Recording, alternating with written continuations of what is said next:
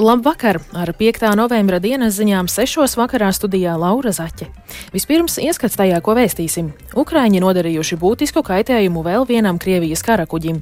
Latvijā ik gadu atklāja ap 1300 jaunus prostatas vēža gadījumus. Latvijas futbola virslīgā čempionu vienību noskaidros pēdējā spēļu kārtā. Par šiem un citiem tematiem plašāk ziņu turpinājumā.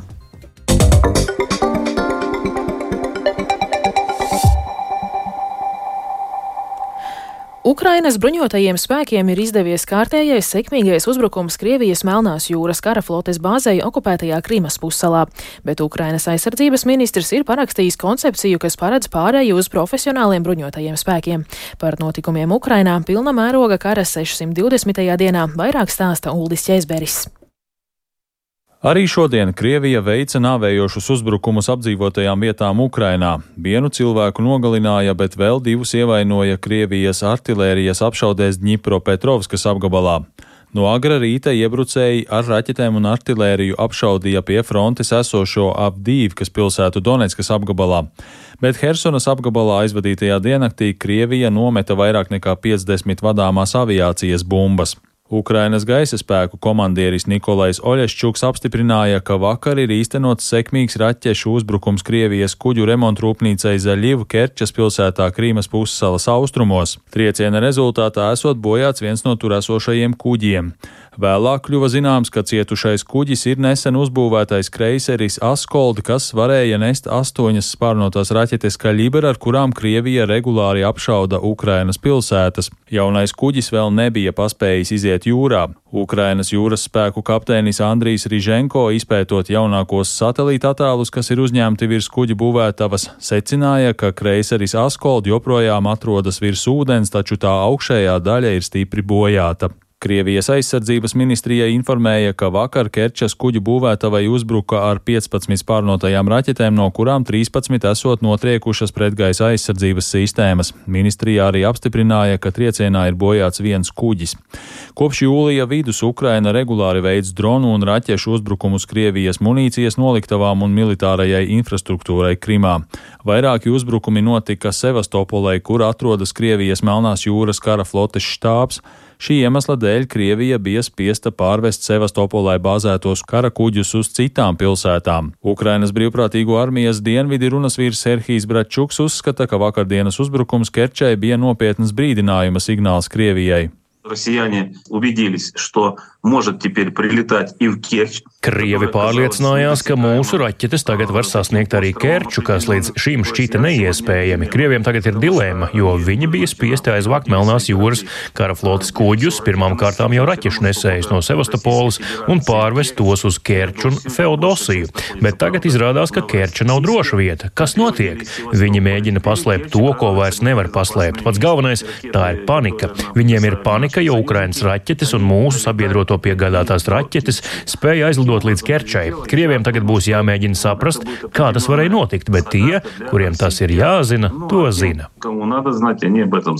Ukrainas aizsardzības ministrs Rustems Umērovs šodien parakstīja rīkojumu par militārā personāla politikas koncepcijas apstiprināšanu līdz 2028. gadam. Dokuments paredz, ka Ukrainas bruņotie spēki pāries uz profesionālu militāro dienestu, tāpēc tiks izveidota efektīva rekrutēšanas sistēma, kuras uzdevums būs piesaistīt augsti motivētus karavīrus. Uldis Česberis, Latvijas radio. Gazas joslā jau 30. dienu norisinās Izraēlas armijas un teroristiskā grupējuma Hamas cīņas. Palestīniešu pašpārvaldes prezidents Mahmūds Abās šodien pieprasījis nekavējoties pārtraukt kara darbību Gazas joslā un atļaut tur ievest eh, humāno palīdzību. Abās tikās ar ASV valsts sekretāru Antoniju Blinkenu, kurš negaidīti ieradās Izraēlas okupētā rietumkrasta galvaspilsētā Rāmalā. Turpina Uldis Česberis.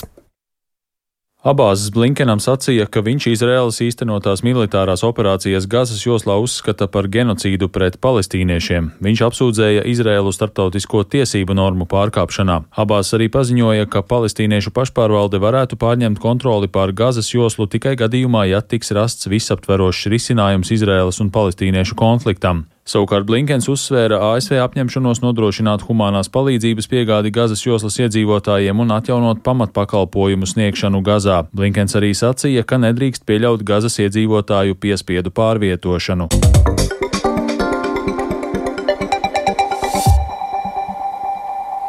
Turpinās bezvēsts pazudušās Annas Jansonas meklēšana. Kā ziņots, Anna Jansone kopā ar mazuli no savas dzīves vietas aizgāja 1. novembrī. Mazuli vēlāk atrada mirušu, bet sieviete vēl nav atrasta. Viņas meklēšanā iesaistīta gan policija, gan zemesardze un brīvprātīgo organizācijas. Ik viens, kuram ir informācija, kas varētu palīdzēt atrast Annu Jansoni, ir aicināts sazināties ar policiju, zvanot uz tālruņa numuru 110. Latvijā ik gadu tiek atklāts ap 1300 jaunu prostatas vēža gadījumu. Tas ir galvenais Latvijas vīriešu nāves iemesls pēc sirds un asinsvadu slimībām. Katru gadu novembrī tiek aktualizēti vīriešu veselības jautājumi, un arī šogad Latvijas urologu asociācijas speciālisti izglītos par vēža diagnostiku un ārstēšanu, bet Rīgā noritēs gājiens aicinot vīriešus veikt regulāras veselības pārbaudes. Plašāk Sintīs Ambotas ierakstā. Onkoloģijas pacientu organizācija apvienības Onko alianses pārstāvis Edgars Āboliņš norāda, ka vīriešu dzīvildze joprojām ir vidē par deviņiem gadiem īsāka nekā sievietēm, un viens no galvenajiem vīriešu nāves iemesliem ir priekšdziedzera jeb prostatas vēzis, bet vienlaikus dati liecina, ka lielākā daļa vīriešu neveic bezmaksas profilaktiskās pārbaudes. Katru gadu tiek atklāta apmēram 1300 jaunu prostātas vēža gadījumu, Ja mēs vēl tam visam pievienojam klāt arī valsts kontrolas atzinumu, ka tikai 2% vīriešiem tiek veikts prostātas vēža skrīnings, tas ir ļoti slikti. Un arī sabiedrībā zināmā mērā ir šī stigma vēzis, nu, tas ir nāves spriedums. Ne vēzis nav nāves spriedums. Un onkoloģija attīstās tik strauji, ka, nu, ja vakar vēl nebija kādas zāles vai iespējami izmeklējumi, ja, tad šodien tie jau ir. Tā kā vīriešiem noteikti nevajadzētu baidīties no šī PSA testa, baidīties uzzināt, ka viņiem kaut kas var būt. Es domāju, ka vīriešiem vajadzētu vairāk baidīties no tā, kas notiks tad, ja vīrietis šo testu neveiks laicīgi. Vīriešiem pēc 50 gadu vecuma ieteicams vismaz reizi gadā doties uz pārbaudi pie urologa, un reizi divos gados būtu jāveic prostatas specifiskā antigēna asins analīzes, kuras ar ģimenes ārsta norīkojumu visiem vīriešiem vecumā no 50 līdz 75 gadiem ir valsts apmaksātas.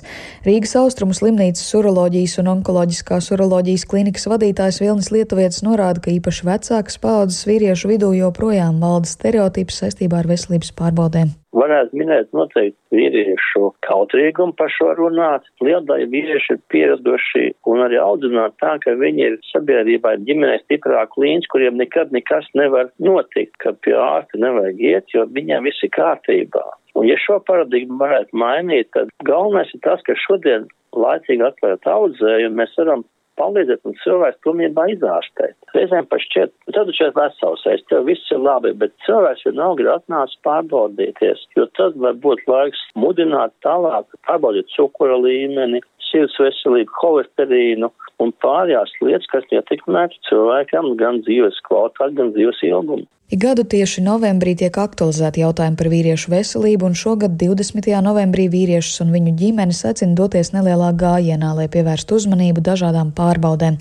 Stāsta kustības vīru tests vēstnesis Ansis Klinstons. Simbolisks gājiens tiks iziets tāds kā ūsu siluets, aptuveni 2,5 km garumā 20. novembrī divos visi ir aicināti pie brīvības pieminiekļa satikties un iziet. Un uh, tā jēga, katrs, kas piedalās uh, šajā gājienā, ir aicināts sev pašam apsolīt, izdarīt vismaz vienu ārstu apmeklējumu līdz gada beigām. Mēs neesam nekāda ārsta lobby, bet jebkura pārbaude veicināt to, ka cilvēks pievērstam uzmanību, ka veselība tāda ir vispār kā faktors dzīvē. Savukārt 21. un 22. novembrī Latvijas urologu asociācijas Facebook lapā tiešraidē ārsts skaidros priekšdziedzera jeb prostatas vēža diagnostiku un ārstēšanu, kā arī pievērsīsies vīriešu neauglības jautājumiem.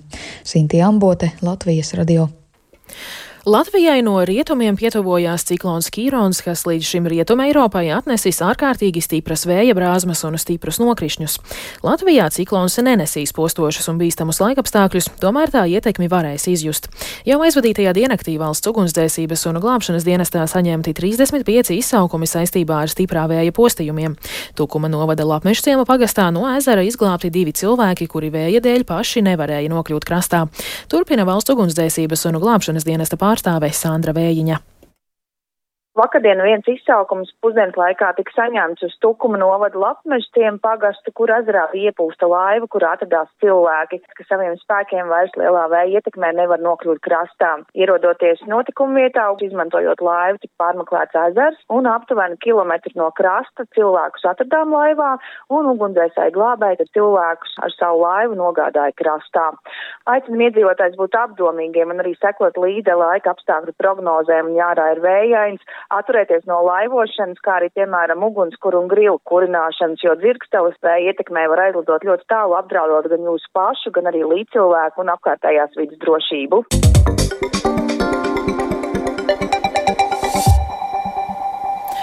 Un noslēgumā par sportu. Latvijas futbola virslīgā šodien notika ļoti svarīgas pirmspēdējās kārtas spēles. To iznākums gan atrisināja tikai vienu no trim sezonas izskaņas intrigām. Tagad zināmas tās četras komandas, kuras nākamgad Latviju pārstāvēs uz Eiropas skatuves. Tas, kuri kļūs par čempioniem un kuri cīnīsies par vietas saglabāšanu virslīgā, noskaidrosies tikai nākamnedēļ pēdējā spēļu kārtā. Vairāk stāsta Mārtiņš Kļavinieks. Laukumā šodien devās visas desmit virslīgas komandas, notika pieci mači. Par čempionu titulu joprojām cīnās pirmajā vietā esošā Riga, no kuras par punktu atpaliek RFS. Šodienas spēles tabulas galvgalī neko nemainīja, jo Riga izbraukumā ar 3-1 uzvarēja metu, bet RFS ar 4-0 pārspēja Supernovu. Tas nozīmē, ka čempioni jau trešo gadu pēc kārtas noskaidrosies virslīgas pēdējā kārtā. Rigai būs izbraukumā jāspēlē pret pagaidām aktuālo čempioni Valmieru, bet RFS pret 9. vietā esošo metu. Dzīve joprojām ir otra intriga par to, kura komanda finišēs 9. un cīnīsies par vietas saglabāšanu virslīgā. Šobrīd šajā pozīcijā ir meta, bet, lai to mainītu, viņiem pēdējā kārtā jāatņem punktus RFS. Daugopilī šodien vietējā komanda ar 2-1 uzveica Liepāju un atstāja vēju pilsētas futbolistus bez dalības Eirokausos jau otro gadu pēc kārtas. Auda savā laukumā ar 1-0 pārspēja Tukumu 2000 un garantēja dalību UEFA konferences līgas kvalifikācijā otro gadu pēc kārtas. Audas kapteinis Vjačeslavs Isājevs intervijā Latvijas televīzijai sacīja, ka tas ķekauniekiem ir liels sasniegums.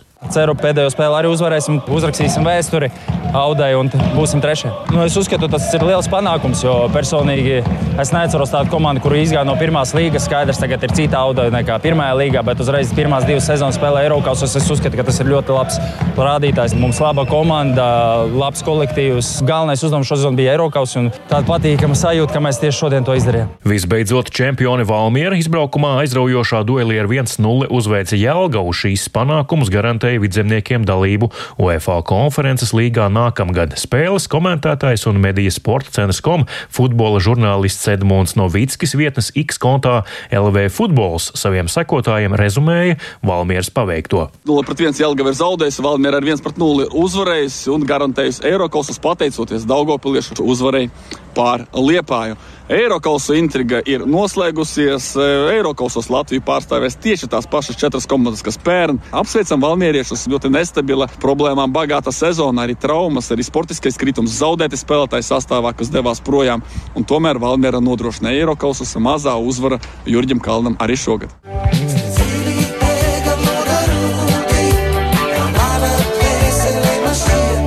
Ļoti saudabīga un iespējams zīmīga epizode notika Valmieras Jālgavas pēcspēles preses konferencē. Telpā ielidoja zīlīte, kas droši uzlidoja uz galda blakus Jālgaunieku galvenajam trenerim Jozefam Škrlīkam un gozējās kameru priekšā. Futbola virslīgas sezona noslēgsies nākamā sestdiena, Latvijas dienā. Arī tad spēlēs visas desmit komandas, katrs no pieciem mačiem sāksies vienos dienā. Čempionu kausam šoreiz būs jāgaida pusceļā starp Rīgu un Valmieru, jo vienā no šīm pilsētām līs šampanietis un skanēs uzvarētāja Gavilis Mārtiņš Kļavinieks Latvijas radio.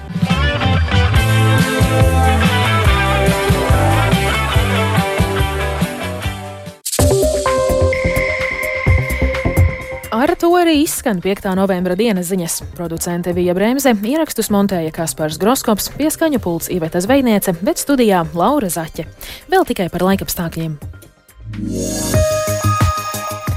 Gaisa temperatūra Rīgā šobrīd ir 9 grādi un pūš dienvidu austrumu vējš 4 m2. Rītdien būs mākoņains un palaikam līs.